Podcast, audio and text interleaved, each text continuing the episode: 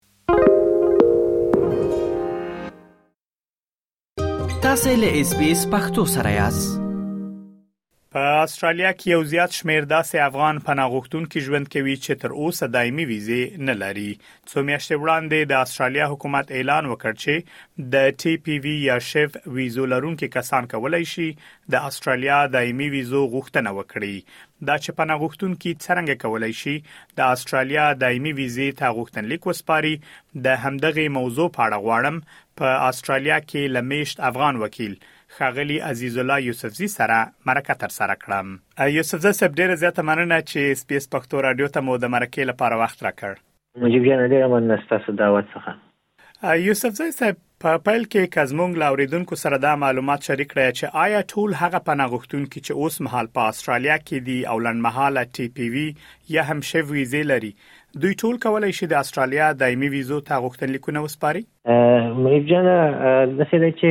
هغه خلک چې ټي پي وي یا شي ویزه یې ایکسپایر شوی یا ایکسپایریدو ته وخت کم پاتې دی نو هغوی کولی شي چې ریزولوشن اف سټیټس ویزې لپاره یا آر او ایس ویزې ته اپلای وکړي خو هغه خلک چې د هغوی ویزې لا وخت پاتې دی یا هم دا چې هغوی شیف ته پخوا اپلای کړي وي او تر اوسه فاینل ډیسیژن نه اخیستی نو هغوی ته بیا لازم نه دی چې دوباره درخواست ورکړي یوسفزی صاحب یو بل پوښتنه د دغه ویزې د ډول په اړه ده چې دغه ویزه دایمي ویزه چې تاسو یادونه وکړه دوی ورته کولای شي درخواست ورکړي دغه ویزه په څه نوم یادېږي او نمبر یې څه ده او څرنګه کولای شي خلک ورته درخواست وکړي منیب جان دا ته ریزولوشن اف سټیټس ویزا وای او د دې نمبر 851 دی اکثره دوستان چې دي چې د شیف یا ټي پي وي ویزه ایکسپایر کېدو ته دی دوی لا تر اوسه کني اپلای کړی نو هغوی کولی شي چې دې لپاره اپلای وکړي هغوی کولی شي چې وکیل سره تماس ونیسي چې په ښه ډول ورته اپلیکیشن لانچ کړي یا دا چې له خپل ملګري او دوستان نه کومک واخلي چې دا اپلیکیشن ورته لانچ کړي دا ویزه دوی ته د دې فرصت برابر کړی دی چې دوی وکولای شي چې د استرالیا پرمننټ ویزه لاسته واخلي ځکه چې دا یو پرمننټ ویزه ده وکولای شي چې د کومې پریشانې یا مشکلات سره چې دوی تر اوسه پورې مخامخ وو دا ورته حل شي ځکه چې اکثره کسان چې په دې شیف او ټي پي وي ویزو کې دي متاسفانه چې ډېر ذهني مشکلات سره مخامخ دي او اکثره مریضان شوي دي نو ان شاء الله د دې ویزې د اخیستو سره د هغوی دا مشکلات به حل شي. او یوسفزی صاحب کله چې یو کس دغه ویزې ته غوښتنلیک وسپاري څومره وخت تقریبا نیسي چې د دوی د غوښتنلیک نتیجه معلومه شي یا دوی ته ویزه ورکړي؟ فی الحال دولت داسې اعلان کړی دی چې دوی کوشش کوي چې د مارچ 2024 پورې د دوی د چې کوم ویزې اپلیکیشنونه دي دا ټول وڅیړي او فیصله ورته نهایی کړي خو دا یو ټایم لاین ده چې دوی راکړی دی دا کېدای شي چې زر وشي او یا هم کېدای شي چې لږ څه موده نور هم واخلي. یوسفزی صاحب د دغې ویزې له ترلاسه کولو وروسته ایا دغه پناه غوښتونکي بیا کولای شي د خپلې کورنۍ غړي هم استرالیا ته راولي یا هم که وغواړي بهر سفر وکړي؟ بلکل دا ویزه چې ده پرمننټ ویزه ده لکه څنګه مو چې مخکې وویلې او ددې ویزې د اخیستو نه بعد چې کوم د ویزې متقاضیان دي دا ټول د هغه مفیدات یا فایدو نه چې مونږ نور پرمننټ ریزیډنس دي هغوی مستفید دي هغه ټول دوی ته هم مهیا کیږي دوی کولی شي چې بغیر له اجازې نه هر هغه ملک ته چې دوی غواړي چې سفر وکړي لاړ شي او بل دا چې خپل فامیلو ته هم اپلیکیشن لانچ کی نو د کې بیا پارټنر ویزه آپشن ډیر خلک دي چې هغه اخلي چې پارټنر خپل کورنۍ غړي او ماشومان په دې باندې کول شي راولي او یا هم دوی کولای شي چې خپل هغه دوستان او ملګري چې په د دوی د کورنۍ غړي نه دي هغوی ته د رفیوجي ویزې لپاره هم سپانسرشیپ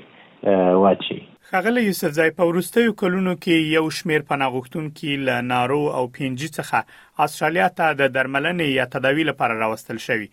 ایا هغه کسان چې له نارو او پي این جي څخه د درملنې لپاره اسټرالیا ته راوستل شوي و اوس په اسټرالیا کې دي دوی هم کولی شي د اسټرالیا دایمي ویزې ته درخواست ورکړي؟ متاسفانه چې فل حال وی په دې ویزو کې نه راځي خو هغه ملګری چې د نارو او پنجینه دلته راغلی او هغه هم په دې پروټیکشن ویزا کې کوي نو به هغه کولای شي چې درخواست ورکړي خو اکثره متاسفانه چې هغه په نورو بریجینګ ویزو باندې دي او دې ته فل حال الیجیبل نه دي او یوسف زای صاحب دغه ویزه ته چې تاسو اشاره درلوده 851 ویزه ته کله چې خلک غوښتنلیک سپاري آیا دا کوم فیس لري باید فیس هم دوی ورکي د دغه اپلیکیشن لپاره او کنه د دې اپلیکیشن لپاره سې کوم خاص فیس نشته نه دا فیس نه لري یو ځنې مصرف په د چې ملګرو باندې راځي یا خلک چې غواړي دا درخواست وکړي هغه د وکیل فیس وي نور داسې کوم مصرف پکې نشته. او یوسفزی صاحب روستۍ پوښتنه دا هغه کسان چې له دې څخه تر اوسه پورې ممکن بې خبره اوسیږي دوی څومره وخت لري نور هم تر څو دایمي ویزو ته غوښتنلیکونه وسپاري؟ نو هغه ملګري چې تر اوسه پورې که خبر نه وو یا یې اپلای نه دي کړي نو موږ توصیه ورته همدا ده چې زر تر زره دې اقدام وکړي خپل نومونه دې ولیکي اپلیکیشن دې ولیږي ځکه چې اکثره زموږ کلاینټان چې دي اوس چې موږ ورته اپلای کړي وو هغوی خپلې ویزې اخیستې دي او یو څه چې پاتې دي هغوی انشاءالله پروسس کیږي او خپلې ویزې به اخلي خو په دې کې موږ ته د خوشحالۍ وړ دا وه چې دوی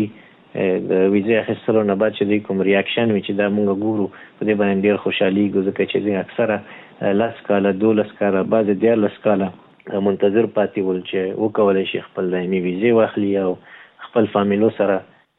بیرته وکولای شي ژوند وکړي ځکه چې تر اوسه پورې دوی نه شو کولای چې خپل فامیل راولي او یا هم بغیر د ایمیګریشن د اجازې نه اسټرالیا نه بهر لاړ شي. یوسفزی صاحب یو بل پوښتنه هم پیدا شو ما سره چې هغه د رد په اړه ده آیا دغه کسان چې دغه ویزو ته درخواست کوي تاسو شخصي تجربه څه ښي په دې کې رد هم ډیری ردیږي او که د قبولۍ چانس پکې زیات ده دې کې تر اوسه پورې الحمدلله موږ د رد کیسونه نه دي لیدلي او د قبلې چانسز ډیر زیات دي خو بعضی کیسونه دي که چیرې هغوی خپل انډیویډوال کس چې دی هغه کوم مشکل دلته لرلی وي د قانون سره یا د سینور مشکلات وي نو هغوی